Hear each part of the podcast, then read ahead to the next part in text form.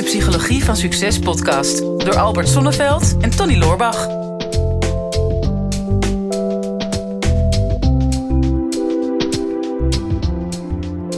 Altijd weer een feest, Tony. Want uh, nou hoeven mensen niet alleen maar naar ons te luisteren... maar we hebben wel een hele speciale gast vandaag. Namelijk Inge Nuiten, uh, over dienend leiderschap. Nou, we hebben natuurlijk uh, een hele brede schare aan luisteraars... die ook uit een heel breed segment komen van de maatschappij. Maar er zijn nogal wat ondernemers bij, mensen die in een bedrijf werken of in een organisatie werken. En volgens mij is het voor heel veel mensen super interessant wat jij te vertellen hebt. Want nou, het is een term die al heel vaak gebruikt wordt, dienend leiderschap. Ik ben blij dat er nu eindelijk ook een echt boek over is verschenen. en dan ook nog vanuit het hart geschreven met een heleboel kennis erbij. Dus uh, welkom in onze podcast. Ja, nou, zo mag gelijk met de eerste vraag ja, beginnen. Ja, natuurlijk. Trap hem af. Ja, het, um, ja, het eerste waar, waar, ik aan dacht is bij dienend leiderschap. Ik weet niet of ik daar zelf nou altijd al zo heel goed in ben geweest. Maar toen ik het boek doorlas, dacht ik van... nou, er waren nog wel wat verbeterpuntjes. Maar... Bij jezelf? Bij niet, mezelf? Niet voor Inge in het nee, boek? Nee, nee, nee. Oké, okay, ja, bij jou weet je het nooit. Nee, dat is waar. kan ook kritisch zijn. met een rode pen doorheen geweest. Nee, maar ik ben vooral kritisch naar mezelf. Maar hoe herken je nou een dienend leider, Inge? Want daar ben ik wel benieuwd naar. Nou, het makkelijkste is aan de mensen om hem heen. We zagen hier net al uh, bij IMU. Uh, mag ik IMU? Ja, ja, tuurlijk. Ja, ja, ja, ja, tuurlijk. Ja. Ik, oh, we zitten bij een podcast van... Nee hoor, het is gewoon dezelfde ruimte. Ja. We hebben geen Maar um, nou ja, hoe, hoe zijn de mensen om die persoon heen? Uh, voelen die zich gewaardeerd? Voelen die dat ze hun creativiteit kwijt kunnen? Hun talenten kunnen inzetten?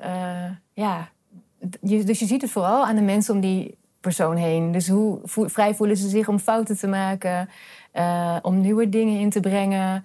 Uh, zijn ze bereid om een stapje extra te zetten? Nou ja, dat is over het algemeen, als er dienend wordt geleid, uh, gaat dat vanuit het hart en gaat dat vanzelf, in plaats van dat, het, dat iemand vanuit macht mensen dwingt, zal maar zeggen, om langer te blijven of iets te doen. Dus... Ja. En je hebt hier net even heel kort rondgelopen. Ja. Wat, wat, is jouw idee erbij? Wat is je opgevallen? Kijk je met een beetje vanuit je vak natuurlijk. Nou ja, bij dienend leiderschap, de grondlegger van dienend leiderschap, die zei: If it ain't fun, it won't get done. Dus met een beetje lol hou je het langer vol. Op die, en ja, je ziet dat ze hier plezier hebben. Dus ik denk dat dat een voorwaarde is die jullie als scheppen. Uh, binnen bepaalde grenzen natuurlijk. Maar dat in ieder geval mensen met plezier naar hun werk gaan, is wel een belangrijke. Ja, nou hadden we iedereen ook wel voorbereid dat jij zou komen van doe net alsof je het naar je zin hebt hier. Ja. Dan mogen ze vanmiddag allemaal eerder naar huis. Ja, ja. Maar um, Waarom juist in deze tijd, Inge? Want ik, ik ben me zo bewust dat we in een totaal ander tijdsgevricht terecht zijn gekomen. de, ja, het industriële tijdperk is al uh, ver achter ons. Um, veel grote organisaties zijn zoekende ook volgens mij. Maar wat, wat is er volgens jou aan de hand waardoor dat dienend leiderschap juist nu zo belangrijk is? Nee, ik denk dat het altijd heel belangrijk is geweest. Ja. Um, ik bedoel, het is in de jaren zestig was er iemand die dacht van... hé, hey, de manier waarop er nu leiding wordt gegeven... is helemaal niet dienend aan de mensen die werken in die organisaties... maar ook helemaal niet aan de mensen die de producten afnemen. Er wordt heel veel in het belang van de organisatie en van de, aandeel, de aandeelhouders gedacht... maar niet in het belang van de mensen die de producten afnemen. En ja, en wat je nu in deze dag en tijd ziet... dat er zoveel mensen um, nou ja, over het randje aan het gaan zijn qua ja, hoeveel burn-outs hebben we op dit moment? Hoeveel mensen hebben chronische ziektes? Dus dingen zijn uh, in een soort versnelling aan het raken. En als je dan een leider hebt die daar geen oog voor heeft, geen oren voor heeft, dan, uh, ja, dan missen mensen ook daar dus de bedding en de, de, de halt, zal maar zeggen, de kaders. En uh, dus misschien dat het daardoor nu nog extra nodig is. En ook allerlei dingen die zichtbaar worden op het gebied van zaken die niet ethisch zijn nou ja, dan wordt de roep ook harder van... Hey, kunnen we leiders hebben die, uh, die daar wel aan bijdragen? Mm -hmm. Hoe komt dat? Denk je dat mensen dat van nature minder hebben... of mensen die zeg maar, in een leidinggevende positie komen? Uh, ik heb dat een paar keer ook wel zien gebeuren. Misschien zelf, mezelf ook wel schuldig aan gemaakt in het verleden... dat zodra je eigenlijk in een leidinggevende positie komt... dat je toch anders gaat gedragen. Meer vanuit een machtspositie. Je wordt ook een werkgever, letterlijk. Dus je gaat mensen alleen maar werk geven. Wat eigenlijk al niet per se de definitie van dien en leiderschap natuurlijk is. Eigenlijk zou je mensen misschien moeten ontzorgen in het werk wat ze doen. Maar hoe, hoe komt dat, dat mensen van nature zo zijn? Mm, ik, ja, sommige mensen. Ik weet niet of mensen... Kijk, ik zeg altijd van nature... Uh, de meeste mensen deugen. Dus de meeste mensen zijn goed van... Maar op het moment dat er een context wordt gecreëerd waarbij de verwachting wordt geschetst dat je op een bepaalde manier leiding moet geven, Of dat je bazig moet zijn, om, anders luisteren mensen niet naar je. Ja, als je dat beeld hebt, dan ga je op zo'n manier leiding geven. Terwijl ik denk dat het vooral komt omdat er, dat het dan onbewust is. En als je mensen bewust maakt van hé, hey, maar wat is nou daadwerkelijk je doel met je werkgeverschap? Wat hoop je dat er gebeurt? En als je daarover na gaat denken, dan krijg je vaak wel antwoorden dat mensen denken: oh ja, maar ik wil wel dat mensen met plezier naar het werk gaan. Wow, ben ik degene die dat verhindert? Ja. Dan, uh, nou ja, door het bewustzijn ontstaat dan uh, dat mensen een stap kunnen zetten. Ja, ik heb het in mijn bedrijf wel eens het klaar effect genoemd. Dus iemand heeft nog niet een leidinggevende positie, maar is gewoon bijvoorbeeld gewoon in dienst. Maakt op een gegeven moment promotie, krijgt een leidinggevende functie. Dus bijna net alsof je een soort van oranje hesje uitdeelt. En dat is een klaar over op het eh, zebrapad. Je geeft iemand een bepaald soort macht. En die macht die willen ze dan ook gebruiken. Omdat het bijna zonde is om anders die macht te hebben en die niet te gebruiken. En dan word je ineens heel streng, bijvoorbeeld voor je collega's. Dan ga je mensen ineens corrigeren op het feit dat ze te laat binnenkomen. Terwijl je dat bijvoorbeeld nooit een probleem vond toen je nog niet de leiding had. Herken je dat? Kan je daar iets over zeggen? Nou ja, ehm, ik, ik, herken wel dat mensen anders met je omgaan als, je in een, als mensen in een leidinggevende positie komen. Dus dat ze in één keer bepaalde dingen niet meer aan je vertellen. Of dat ze denken, oh jee, maar als hij dat weet, dan krijg ik misschien een mindere beoordeling. Dus dat er dingen in de machtsdynamiek gaan spelen. Mm. En ja, dat uh, mensen onbewust leiding gaan geven. Dus niet bewust van dat ze wat voor impact ze maken op anderen. Uh, uh, ja, dat herken ik wel. Maar dat is ja, mij weer, het komt bij het bewustzijn, hmm. het bewustzijn neer. Ja. Ik, ik zit zo te denken, ik, ik probeer aan wat grote namen of wat, wat bekende mensen te denken. Wat, ken je bekende voorbeelden van de, waarvan je denkt, nou, dat zijn nou echt dienende leiders? Ja, dan, dan kom je bij de, de standaard dingen als Mandela, die, die mensen wel kennen als je de film Invictus kijkt. Van hoe zorg je daadwerkelijk weer voor uh, verbroedering, verbinding ja, dus zo iemand. Echt um, voorbeelden van leiders geven, ook in deze dag en tijd, vind ik lastig, omdat je vaak helemaal niet weet van hoe gaat het nou daadwerkelijk met de mensen om die persoon heen. dus het kan er heel leuk uitzien voor het plaatje, of het kan heel mooi gescript zijn, hoe ze speeches geven. Of, uh, maar, maar wat gebeurt er daadwerkelijk achter die, uh, ja, nou ja, achter de bühne, zal maar zeggen. Ja, want er is wel tenminste als je naar de politiek kijkt en de landen om ons heen ook, ja, wordt er wel gezegd van ja, we willen wat meer duidelijker uh, leiden, wat, wat meer directief ook. Iemand die tenminste keuzes durft te maken en niet eindeloos loopt te polderen, zoals ze dat in Nederland altijd doen. Uh, wordt er soms doorgeslagen in dienend leiderschap of hoe werkt dat precies? Nee, dat is grappig. Dat is echt een misvatting. Want een dienend leider is dus juist iemand die besluiten neemt. Want die weet, als ik geen besluiten neem en geen heldere kaders geef... dan zijn mensen aan het zwemmen. Dat wil je niet. Je wil dat mensen helderheid hebben... en dat ze weten wat hun te doen staat. Hmm. Dus het is juist helemaal niet dienend om te blijven polderen. En het is wel dienend om echt vanuit openheid, vanuit rust... te luisteren, wat hebben mijn mensen nodig... En daar beslissingen op te nemen. En niet een beslissing te nemen vanuit: word ik dan rijker, machtiger, krijg ik meer status? Mhm. Krijg ik meer vriendjes, vinden ze me aardig? Maar te besluiten van hé, hey, ik heb jullie nu dat en dat horen zeggen. We zien dat en dat in de markt gebeuren. Dus ik maak nu deze keuze. Het is misschien een pijnlijke keuze voor een aantal mensen of iets waar je nog niet achter staat. Maar dit zijn mijn argumenten. Dus een dienend leider is juist iemand met veel daadkracht die beslissingen neemt, maar wel in het algemeen belang. En niet omdat ik dan zelf bijvoorbeeld uh, mijn vriendjes uh, meer uh, aandeelhouder value geven of hoe je dat dan ook wil. Ja. En hoe, hoe draai je dat om? Stel nou dat je hierin herkent en je denkt van... oh, misschien ben ik nog geen dienend leider. Want jouw boek heet ook De Gids voor het creëren van eigenaar, energie en eigenaarschap. Dus mhm. dat impliceert al, er is een, er is een pad, er is een oplossing. Hoe, hoe draai je dat om? Nou, het belangrijkste is de bereidheid om echt naar jezelf te kijken... en te zien wat jouw aandeel is en wat je om je heen ziet gebeuren. Dat is uh, de voorwaarde. En op het moment dat je daartoe bereid bent om dat te gaan zien. En ik denk dat dat geldt voor iedereen. Dus los van je functie of positie. Want iedereen kan dienend leiden. Dat is ook in de organisaties waar we het meest succesvol zijn. Daar omarmen echt mensen van ja, die de schoonmaak doen tot dus de directie omarmen dit principe. Want stel je voor dat daadwerkelijk ja, iedereen die hier werkt op zo'n manier gaat leiden en zijn eigen leider wordt, wat voor een vliegwiel krijg je dan? Dan, dan krijg je dus inderdaad dat eigenaarschap en die goede energie. Um, dus het pad ernaartoe is eerst het besef van dit wil ik echt. Ja, en dan ja, bijvoorbeeld die acht kenmerken zijn een mooie leidraad. Dat je gaat ontdekken wie ben ik werkelijk als mens. Dus authenticiteit is een van de mhm. kenmerken.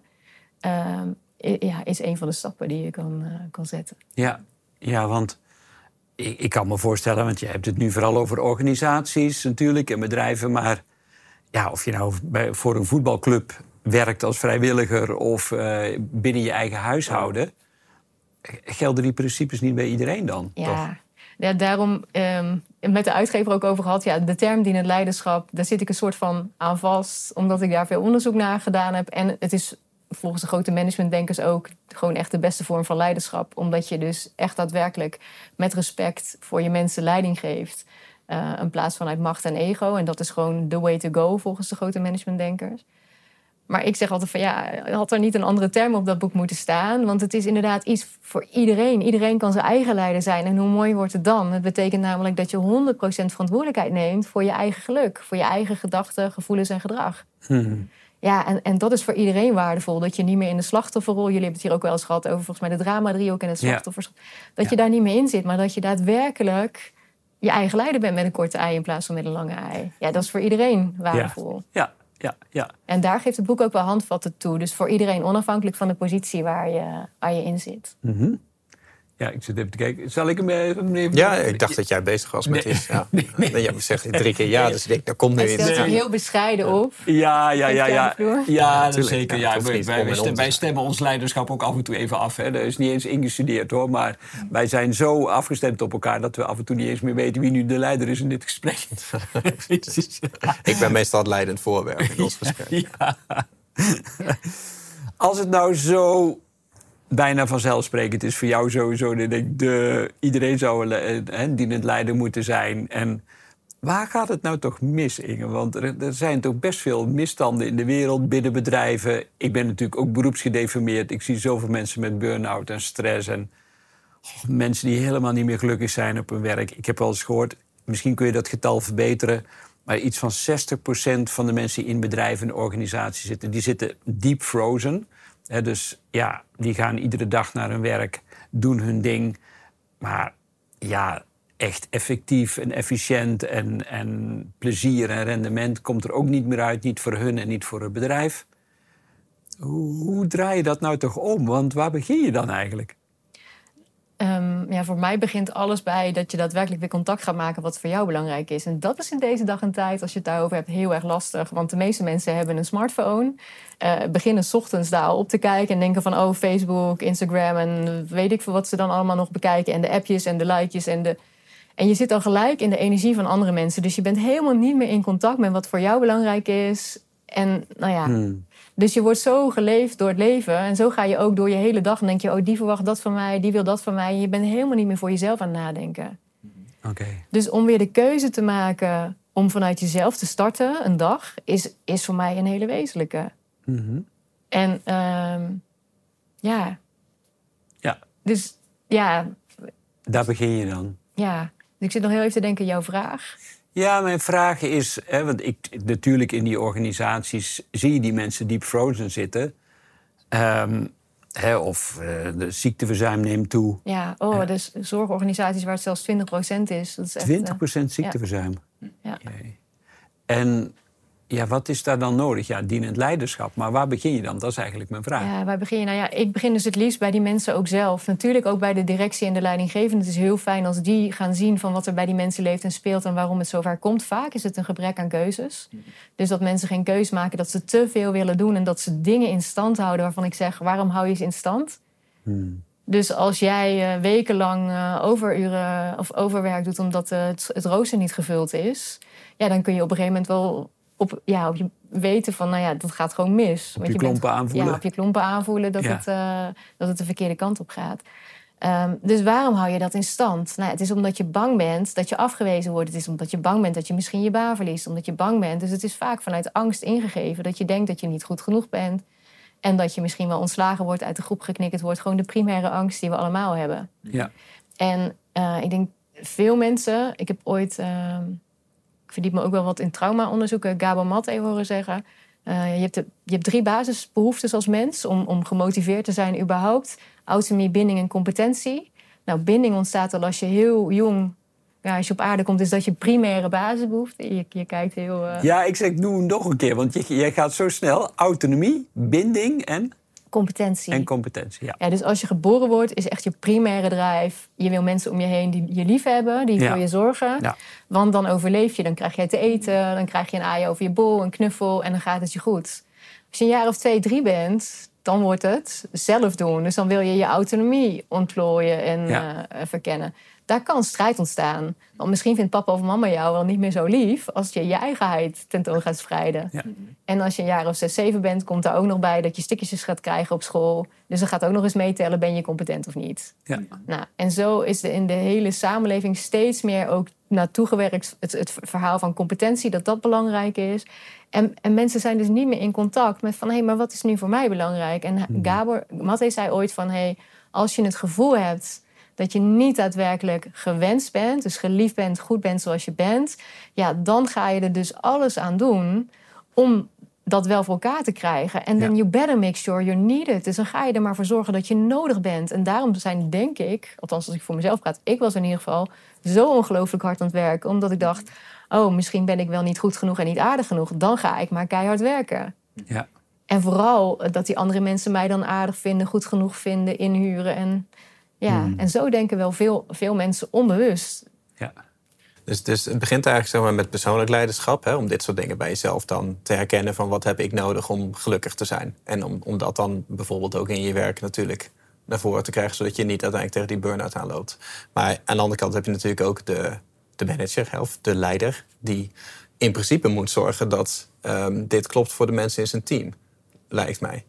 dus, dus als je kijkt naar zoveel burn-outs en zoveel ellende, Um, ja, het zijn toch ook de managers eigenlijk die, die ervoor moeten zorgen dat, dat, dat het niet zo ver komt.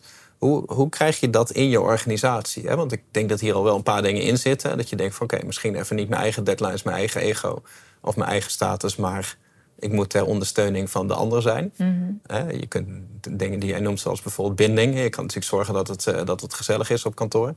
Um, of dat mensen zich verbonden voelen met, met het werk wat ze, wat ze doen. Wat, wat zijn meer dingen die passen bij een dienend leider? Waar moet een dienend leider voor zorgen? Heldere kaders. Dus dat mensen mm. weten waarvoor doen we het?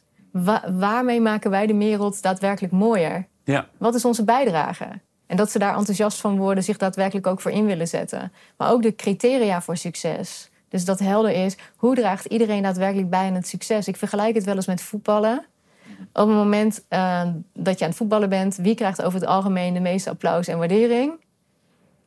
degene die scoort. Ja. De spits, die krijgt het meest betaald. Een moeilijke vraag nog wel. Ja, is het echt ik, even ik had eigenlijk gewild dat die multiple choice was. Uh, maar goed, oh. open vraag, ja, dat is helemaal niet erg hoor. Maar, eh. maar ja, dus over het algemeen is degene die scoort, krijgt het applaus. Maar ja. in je team wil je gewoon dat iedereen zich gewaardeerd voelt en gezien voelt. Dus je, iedereen moet weten waar die verantwoordelijk voor is. Dus als leider creëer je helderheid van oké, als we dit te doen hebben, wat is dan jouw aandeel hierin? En waar kan het hele team jou op waarderen? En dat kan best zijn dat de schoonmaakster... dus nou ja, als wij schoon kantoor hebben, dan maakt het ons leven makkelijker, hmm. want X, Y, Z. Dus dat iedereen weet wat zijn his of her part, zijn of haar aandeel is in ja, wat je aan het creëren bent. Dat is voor een leider om daar echt ook tijd voor te maken heel erg wezenlijk. En dan natuurlijk mensen daadwerkelijk ook waarderen op wat ze aan het doen zijn. Hmm. En horen waar ze tegenaan lopen. Uh, dus blokkades uh, wegnemen. Maar is dat niet ongeveer de, de meest gehoorde smoes van iedereen in het bedrijfsleven? Ja, uh, ik moet daar tijd voor maken. Maar ja, je hebt mijn agenda nog niet gezien, die pelt uit. Ik heb daar helemaal geen tijd voor. Wat een onzin zeg, ja, dat is leuk, maar dat gaan we wel een keer doen. Maar nu even niet, want nu moeten er nou ja, resultaten gehaald worden. En oh, dat, herken je dat? Dat dat vaak wordt gebruikt, de factor tijd, van dat hebben we niet, dus ja, en dan vraag ik, ja, wat is prioriteit? Wat gebeurt er als we dit nu niet doen? Ja. En er nog meer mensen burn-out raken. Wat gebeurt er als je nu geen keuzes maakt hmm. Eh, en er nog meer mensen weggaan? Ja. Ja, dus, dus je moet op een gegeven moment wel het lange termijnsperspectief. En ik, ik zie dat er bij organisatie dat perspectief vaak niet genomen wordt. Om, ja, gewoon omdat er dus onbewust is denken van ja, maar ik red het nog wel. Het gaat, maar op een gegeven moment gaat het dus niet meer. En ja, er staat een heleboel, ik zie veel organisaties waar zoveel aan het misgaan is, dat het op een gegeven moment ook gewoon onderuit gaat. Ja. En dan denk ik, dan is juist deze vorm van leiderschap als iedereen die leert, hoe ga je, hoe ben je het oog in de orkaan? Mhm. Dat dat voor iedereen waardevol is om je eigen te maken. Omdat je ja, alle zekerheden die we hadden, tot een paar jaar geleden, weet je, niks is nu meer zeker. Er is, alles is zo snel in ontwikkeling. Uh, financiële systeem, wat gaat gebeuren? Nou, en er zijn nog veel meer dingen die, uh, nou ja. Ons boven het hoofd hangen wellicht. Wellicht. In ieder geval is het heel hectisch, heel dynamisch. Er gebeurt een heleboel. Hoe fijn is het als je leert om je eigen leider te zijn? Dat je onafhankelijk van de omstandigheden in ieder geval iemand hebt waar je op kunt vertrouwen, namelijk jezelf, je eigen kompas. En van daaruit helderheid uh, ja, voor jezelf, maar ook voor anderen kunt, uh, kunt geven. Ja, en ik zeg, ja, maak daar alsjeblieft tijd voor. Want hmm. als je dat niet doet, nou ja, ja, we weten allemaal hoeveel mensen er nu burn-out zijn. Je hebt het al genoemd. Ja, ja. wat, wat het nog wel eens lastig maakt, sprekend als een, als een werkgever of verantwoordelijke, is dat um, de principes zijn universeel natuurlijk prachtig. Hè? Iedereen moet zich verbonden voelen. Iedereen moet weten waarom ze doen wat ze doen. Iedereen moet autonomie voelen, de ruimte krijgen om zijn eigen tijden te doen. En er wordt natuurlijk ook steeds meer deze tijd. Hè? Deels, deels hype, deels uit gezond inzicht. Ehm, maar ik weet ook dat niet iedereen hetzelfde is. Niet iedereen kan even goed met vrijheid omgaan. Hè, weet ik na een jaar van thuiswerken. Ja. Ehm, we kunnen niet één oplossing verzinnen, zeg maar, die voor iedereen eigenlijk geldt. Ehm, het is heel lastig om mensen die heel erg betrokken zijn bij wat ze doen en die echt carrière-minded zijn, om die op eenzelfde manier te behandelen als mensen die het toch deels gewoon echt als hun werk zien. En er valt elke, ja, een enorme dosis persoonlijke groei valt niet altijd toe te passen op mensen die dat bijvoorbeeld niet hebben. Hoe, uh, ja, ik weet niet precies wat mijn concrete vraag hierbij is. Ja, maar dat is heel mooi wat je zegt. Hoe ga je om met de afwijkers? Ja, nee, met de afwijkers. Maar dat is dus de kunst van dienend leiderschap. Een dienend leider is alert, ontspannen, aanwezig. En ziet dus dat de een inderdaad wat anders nodig heeft dan de ander. Dus eh, vroeger had ik altijd geleerd van, uh, ja, behandel de ander zoals je zelf behandeld wil worden. Maar dat is dus, voor mij betreft, gewoon niet juist. Want Kijk wat hmm. die ander nodig heeft. En sommige mensen hebben nog veel meer structuur nodig. Nog veel meer kaders. Andere mensen hebben juist inderdaad meer vrijheid nodig. Uh, dus als jij alert ontspannen aanwezig bent en je hebt goed contact met je mensen, je luistert daadwerkelijk wat ze zeggen, kun je daar ook adequaat op inspelen. En dan ga je dus inderdaad niet iedereen gelijk behandelen, want iedereen heeft een andere vraag. Ja. Dus dat is de kunst van, uh, van het leiderschap en dat is dan dienend. Mm ja, het is soms lastig inschatten wat iemand precies nodig heeft. Hè. Heel vaak weten mensen natuurlijk niet wat ze zelf nodig hebben. Of ze weten het stiekem wel, maar ze durven het eigenlijk niet toe te geven. Mensen die bijvoorbeeld heel erg structuur nodig hebben, deadlines nodig hebben, die zullen zelf nooit tegen hun werkgever zeggen van ik wil wel wat meer deadlines. Of dat hebben we bij het thuiswerken heel erg gewerkt. Mensen zijn zo gewend geraakt aan ik blijf lekker thuis. Terwijl ze er eigenlijk niet gelukkig van worden. Ze worden gelukkig van de verbinding op de werkvloer. Maar als je ze voor de keuze stelt, dan zullen ze nog steeds zeggen van ik wil heel graag thuis blijven werken. En dat, dat maakt het nog wel eens lastig om, aan te, om, om te zien van wat heeft iemand nou daadwerkelijk nodig. Soms is het contra-intuïtief. Ja, en het klinkt alsof jij wel ergens aanvoelt wanneer dat inderdaad zo is. Dus als jij dat aanvoelt, dan kan je zeggen: hey, ik hoor je dat nu zeggen. Ehm, hoe is het echt voor jou? Dus een dienend leider is in hmm. staat om veiligheid te creëren en dusdanig goed te luisteren dat je dan ook even doorvraagt. Dat je denkt van, hmm, maar ik zie hem ander gedrag vertonen. hey, je zegt wel dat je liever thuis werkt, maar ik zie je ook heel erg opbloeien als je op kantoor bent. Wil je er nog eens over nadenken? Dus geef mensen de ruimte en de kans ook op, om op hetgeen wat ze gezegd hebben terug te komen. En, aan jou hoor ik dat je het wel op een of andere manier aanvoelt of aanziet komen of in gedrag ziet. En dan zou je daar dus, heb je een aanknopingspunt om het gesprek aan te gaan. Ja. Ja, ik denk, ik denk dat beide kanten belangrijk zijn. Hè. Wij hebben het in het verleden wel eens genoemd. Hè. Leiderschap is een beetje die, die man van de curling met zijn bezem. dus die, dus zeg maar, je bent niet als leider degene die gooit en die scoort. Maar als leider ben jij degene die ervoor staat te vegen om, de, om het pad vlak te maken en de optimale weg voor te bereiden voor de ander om te scoren. Dat, dat is wat een dienend leider is. Alleen daar hoort ook bij dat je voor de ander na kan denken over wat heeft diegene nodig, wat hij zelf misschien niet niet weet. Hè? Dus dat is het contra-intuïtieve. En wij doen dat hier ook wel op kantoor. Dat we soms dingen doen als uh, de corona-reset een tijd geleden. Dat iedereen weer uh, vijf weken lang uh, of vier weken lang vijf dagen in de week moest komen. Werd ook met mild enthousiasme ontvangen. Maar achteraf zijn mensen dan heel blij. Hè? Dus soms moet je even dat, dat pijnlijke doen. Wat mensen dan allemaal niet leuk vinden. Ze, als ze zouden mogen stemmen, zouden ze het wegstemmen. Maar omdat ze geen keuze hebben en het gedaan hebben... zijn ze achteraf heel blij dat je dat voor ze gefaciliteerd hebt. En dat vraagt moed, het achtste kenmerk. Dus een leider moet hmm. moed hebben met een D om dit soort beslissingen te nemen. Zodat je soms mensen even, dat ze je misschien even niet zo leuk vinden, maar dat ze wel ergens doorheen gaan, zodat er weer groei ontstaat. En dat is, dat is wel echt de basis overigens van leiderschap, dienend leiderschap. Draag je bij aan de groei en ontwikkeling van de mensen om je heen. Ja. En, dus het is niet uh, please gedrag en omrollen en het halsje tonen. Nee, dat is precies het tegenovergestelde dus. Want uh, ja, het helpsyndroom uh, maar zijn er zorgen voor mensen zodat ze je maar aardig vinden. En, dat, nee, je moet mensen ook een eigen worsteling gunnen. En ik zeg niet als leider ga expres mensen continu in de worsteling zetten. Nee. Maar soms is het gewoon nodig dat ze wel eventjes ja, een, een struggle hebben om weer ja, te groeien en verder te kunnen. Nou, klinkt het, het klinkt allemaal ideaal. Hè? En denk, goh, sowieso gaan ze maar eens vinden. Hè? Want is dat, zo, dat is de eerste vraag al, nature of nurture? Um, zijn er, zijn er iets van geboren dienende leiders? Of is het wel aan te leren? Of, hè, want je zegt bewustwording. Maar er moet toch ook wel iets in je zitten? Dat, dat is één, deel van de vraag. En de andere deel van de vraag is... we zien nu steeds meer, gelukkig, eh, diversiteit... dat er steeds meer uh, vrouwelijke directieleden gaan komen en, en, managers ook. Die hebben ongetwijfeld een ander soort, uh, soort leiderschap ook ten opzichte van mannelijk. Uh, dus die twee. Is dat een van de redenen dat er nu meer vraag is naar vrouwelijk leiderschap? Is het aangeboren of is het juist te leren? Ja, dat is een hele makkelijke vraag. Hele makkelijke vraag. Ik zeg, mijn waarheid is dat het bij 95, 96 procent van de mensen in het DNA zit. Oké. Uh, hoe zit dat? Nou, wij worden allemaal blij van de groei en ontwikkeling van de mensen om ons heen. Als we um, dat niet zouden hebben, dan zou dat de overleving van de soort ten nadele zijn. En de soort wil evalueren en wil. Uh, dus, dus we zijn ge geprogrammeerd om voor elkaar te zorgen en samen te groeien en ontwikkelen. Hmm. Alleen opvoeding en de context, de maatschappij, die heeft het wat anders gemaakt. Omdat er ook 3 tot 4 procent van de mensen zijn die wat anders in elkaar zitten. En die denken alleen maar ikke, ikke, ikke. En die hebben dus een ontbrekend stukje in het brein. Waardoor ze dus niet bijvoorbeeld empathie en verantwoordelijkheid en schaamte kunnen voelen. Hmm. Maar mijn waarheid is dus dat het bij vrijwel iedereen in het DNA zit. Alleen wel eventjes mooi onder allerlei belemmerende overtuigingen en gedachten uh, is verborgen. Ja. En dan zeg ik ja, het is dus aan te leren, mits je dan de bereidheid hebt om naar jezelf te kijken en te zien wat je daar zelf in te doen hebt. En ja, wij mhm. zien dus in programma's echt ja, honderden mensen in organisaties, onafhankelijk van hun positie dus, dit oppakken. En in één keer zien van, wauw, uh, klagen en mopperen, uh, dat draagt bij aan de negativiteit in de organisatie.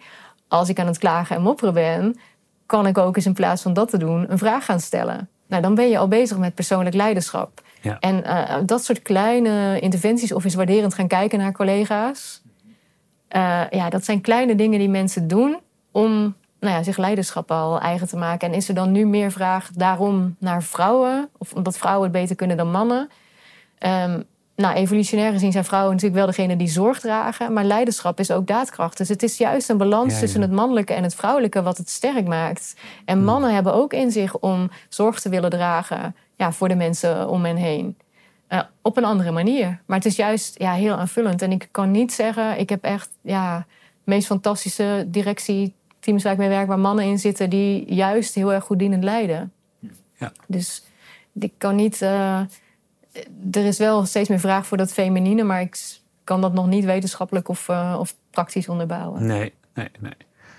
En nu heb ik zelf ook regelmatig trainingen ontvangen en ook gegeven binnen bedrijfsleven. En dan gingen we weer een paar dagen op de hei. En dan iedereen had het licht gezien. En je voelt hem al aankomen natuurlijk de vraag van ja, nou, hè, nou, we snappen nu wat dienend leiderschap is. Ik heb de eigenschappen begrepen. En dan, nou ja, dan komen ze op maandag weer terug op het kantoor. En ze vallen weer helemaal terug in hun oude gedrag. Hoe kun je dat nou voorkomen? Want dat is iets wat denk iedereen wel herkent als ze weer een paar dagen op de hei zijn geweest. Ja. Ja, dus um, ik, we hebben daar een paar dingen voor die we daar doen in trainingen. Um, een ervan is om mensen zulke simpele handvatten te geven die zo goed ja, resoneren bij iemand, dat hij eigenlijk niet meer eronder uit kan. Dit is gewoon hetgeen wat voor jou werkt en daar ga je mee aan de slag. Dus dat is een, uh, een ding. Heel veel dingen blijven, de belangrijkste dingen blijven herhalen, die je heel simpel houden. En ik geef ook altijd het voorbeeld van, joh, stel nou, ik heb ook achtergrond als fitnesstrainer, puzzletrainer. Stel nou dat we in een sportschool een keer een workout eh, doen en hmm. ik leg jou uit. Gebeurt dit? Ja, er valt een logo van de uh, valt uh, naar. Oh. ja. ja. ik, uh, mooi, mooi laatste, teken. Laatste podcast van de dag. hoe fascinerend. Ja. Nou ja, dat is hoe fascinerend. vroeger zou, ik, zou je daar stress van kunnen hebben gehad als er dingen misgaan. En nu denk ik, oké, ja. dit soort dingen gebeuren. Ja, klopt. En wil je hem herstellen? Of nee, gaan we gewoon, ga gewoon door. Ja, ja, nee, nee, is iedereen op het puntje van de stoel weer voor die uh, laatste anderhalve minuut. Ja. Dus, dus het allerbelangrijkste wat je wilde zeggen, dat zou ik dan nu zeggen. Nu is iedereen weer vol in de aandacht. ja. ja, mooi. Um, personal trainer, fitness Ja, dus als je in de sportschool, weet je, één keer uitleg hebben gehad, inderdaad, het maakt nog niet dat je gespierd bent of goed in je vel zit. Uh, dus het is een kwestie van blijven oefenen. Dus zorg nou dat je de context gaat creëren die jou helpt. En hoe creëer je de context die jou helpt? Nou ja, sowieso hebben we dan met HR even gesprekken van... Hey, is het instrumentarium wel op orde? Maar ook voor jezelf, weet je, wat hang je aan de muur? Ja, precies. Of wat valt en hoe goed hang je het aan de muur? ja, precies. Om goed blijven zitten. Ja. Maar, maar waar herinner je jezelf aan met de dingen die je omringt? Ik heb bijvoorbeeld ik heb mijn tas bij me zitten uh, jong leerballen in. Um, om mij eraan te herinneren dat ik de ballen de moed mag hebben om te benoemen wat voor mij belangrijk is, maar ook om te spelen. Hmm. Dat je mag herinneren van hé, hey, het mag ook leuk zijn. Het hoeft niet allemaal heel serieus, wetenschappelijk en zwaar te zijn. Dus ik zorg voor mijn eigen visuele reminders. En dat is ook een van de dingen die we mensen dan meegeven. En echt van joh, ja, blijf het oefenen en doe het met plezier. Want als je dingen met tegenzin gaat doen, dan gaat het juist ook tegen je werken. Dus kijk, ja, in de, in de trainingen geven we dan mensen ook echt de opdracht: kijk nou waar je je plezier vindt. Hmm. En waar je dan een daily, uh, een makkelijke dagelijkse gewoonte van uh, kan maken. Ja. En als je het met een team doet, nou ja, dan zorg je natuurlijk dat ze als team elkaar daarin ook kunnen versterken. Dus ik heb één hele simpele startoefening hebben we vandaag hebben we een beetje informeel ook gedaan. Even checken, jij deed dat heel netjes toen ik binnenkwam. Meteen bij mij van, hey, hoe is het met je aandacht? Uh, bepaalde verwachting van vandaag. Dan heb je, dat is de check-in, aandacht, verwachting, intentie. Dat iedereen even weet, hey, zitten we hier met de gelijke uh, ja, doelstelling... maar ook ja, vanuit openheid en dat we het gesprek aangaan. Ja. En, en, dat is iets heel simpels... waar organisaties al gelijk onwijs veel baat bij hebben... omdat ze over het algemeen meteen die agenda inschieten... En ja, dan ben ik misschien nog bij de training die ik vanochtend heb gegeven, of bij uh, uh, de sessie die ik morgen heb. Of, nou ja, dus even dat inchecken is een hele belangrijke. En daar maken we dan ook een routine van uh, in organisaties door dat te blijven herhalen. Dus ik ben geslaagd vandaag. Ja. Dat is toch mooi. Je hebt weer tien punten erbij. Ja, ja, je ging niet, ging niet over ego. afgevraagd of jullie dienend leiders waren. Maar dan ben ik eigenlijk wel heel benieuwd. Hoe, hoe, hoe zit het er nu bij? Ben je een dienend leider? Ehm, nou, als ik, daar, er zijn verbeterpunten, laat ik het zo zeggen. Heel eerlijk gezegd, ik denk dat ik heel ondersteunend kan zijn. Ik kan heel makkelijk mensen aan me binden en boeien. Maar ik ben ook ongeduldig. Dus als ik uh, op het kantoor kwam, nu kom ik er niet zoveel meer... maar dan hadden mensen nog eens de neiging om onder de tafel te schieten. Want uh, die denken, oh, daar komt hij weer aan en dan moet hij weer een hoop veranderd worden. Um, en dat is de laatste jaren wel wat... Ik ben wel wat milder geworden naar mijn medewerkers toe. Ik denk wel dat ik heel goed kan luisteren. En communicatie, die, dat, is, dat zit echt wel helemaal goed bij mij. En ik denk dat ik ook wel mensen kan meenemen in motivatie en enthousiasme. Ja. Maar geduld is een dingetje voor mij. Ja. En dat kan ook een kracht zijn. Want soms hebben mensen ook nodig dat iemand het enthousiasme heeft en denkt: hé, hey, doorpakken. En kan het net mensen helpen om een bepaalde groei door te maken. Omdat je. Nou ja. ja. en daar kwam ik nog wel eens op een muur van weerstand. Oké. als enige man in een organisatie vol met vrouwen. Dus dat was uh, soms wel even, moesten die mouwen wel even omhoog gestroopt worden. Maar ja, ik moet je zeggen, ja, als je kijkt naar mijn opleidingsinstituut, ja, het bestaat nu 28 jaar. Uh, ja, we hebben toch wel heel veel uh, groei doorgemaakt. Juist, denk ik, omdat mensen toch de juiste mensen aan boord en ook op de juiste manier uh, mee weten te nemen in, het, in de visie en de missie. Ja. Volgens mij moeten we een beetje gaan afronden, Tony. Ja. Daar kan jij altijd uh, perfect. Ja. Wil jij de leiding even nemen nu? Ja, het is wel, wel dienend. Ja, zal ik, moet ik ook nog antwoord geven op je vraag? We hebben daar ja, leuk. heeft geen tijd meer voor. Ja, jij hebt het helemaal volgepraat. Met... Nee, nee, nee. nee. We, we, doen gewoon, we zitten in blessuretijd. Tony, zet hem op. Ja, ja ik weet niet toch. Ja, ik, ik, ik, het verschilt per periode. Ik kan wel een dienend leider zijn, ja. Ik ben niet zo begonnen. Ik, toen ik voor het eerst een leidinggevende functie kreeg, 2008... Toen was, toen was het echt meteen... Uh, in een boekje opschrijven als mensen binnenkwamen van hoe laat komen mensen binnen. Het was op, compleet natuurlijk voor mij om dat meteen te gaan doen, zodat ik daar dan op kon controleren. En dat heb ik gelukkig heel snel losgelaten, dat, dat leiderschap. En daardoor daarna wel echt gewoon heel veel in cultuur geïnvesteerd. En, en heel erg dienend leiderschap opgezocht. Ik denk dat ik dat een aantal jaren heel erg ben geweest. De laatste tijd weer ietsje, ietsje minder. Ik ben nu juist weer in de prestatiemodus. En wat jij ook zegt, gewoon langskomen en uh, altijd wat te zeuren hebben en uh, minder faciliteren. Dus het verschilt een beetje. Ik denk precies wat jij zegt, het is iets wat je moet blijven oefenen. Ik denk ook niet dat je dat je hele leven fulltime vijf dagen per week vol kan houden. En je schiet nog wel eens in een andere, in een andere modus. Hmm. Ja. Dus dat gezegd hebbende, mooi bruggetje, ja, is er altijd een reden om dit boek te gaan lezen. Ja. ja. Want zelfs als je al een dienend leider bent, is het nog steeds goed om een betere te worden of te voorkomen dat je terugvalt. Ja. En dat is misschien wel een leuke afsluiter, want jij hebt natuurlijk een fantastisch boek geschreven, Dienend Leiderschap. En normaal gesproken verloten wij altijd boeken uh, aan mensen die reageren onder de YouTube-video.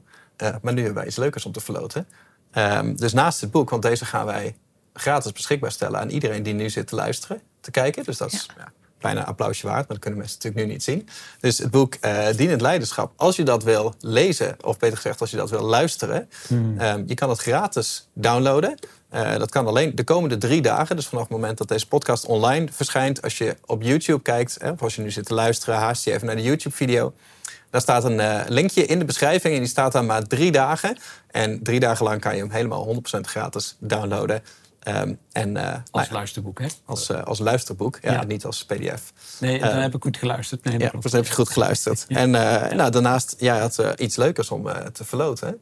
Ehm, kun je daar iets over vertellen? Ja, um, nou, het boek is sowieso gaaf. Er zit ook een gratis online training bij. Er zit echt een mm. schatkist bij waar mensen al dingen kunnen leren over persoonlijk leiderschap.